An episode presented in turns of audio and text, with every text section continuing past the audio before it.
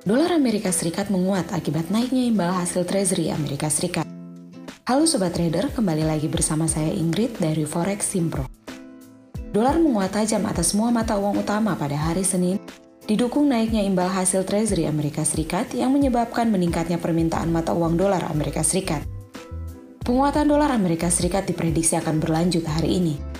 Gold tertahan di bawah level 1700,00 Sementara oil sideways di antara level 23,50 sampai 25,50 dolar.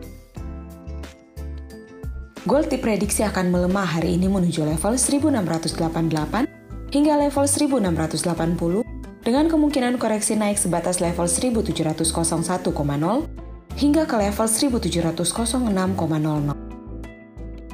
GBP USD diprediksi akan turun ke level 1,2265 hingga level 1,2195.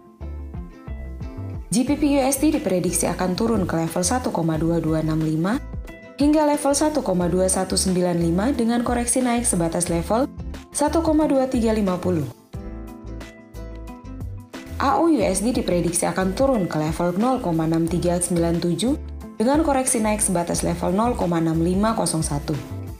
Euro USD diprediksi akan turun menuju level 1,0768 dengan koreksi naiknya sebatas 1,0818. USD GBP diprediksi juga akan terkoreksi turun ke level 107,20 dan jika tidak dapat break di level ini, USD GBP akan kembali naik ke level 108,08. Sekian informasi hari ini dari Forex Simpro. Forex Simpro memberikan edukasi dan informasi forex untuk Anda. Trade by yourself and safe trading.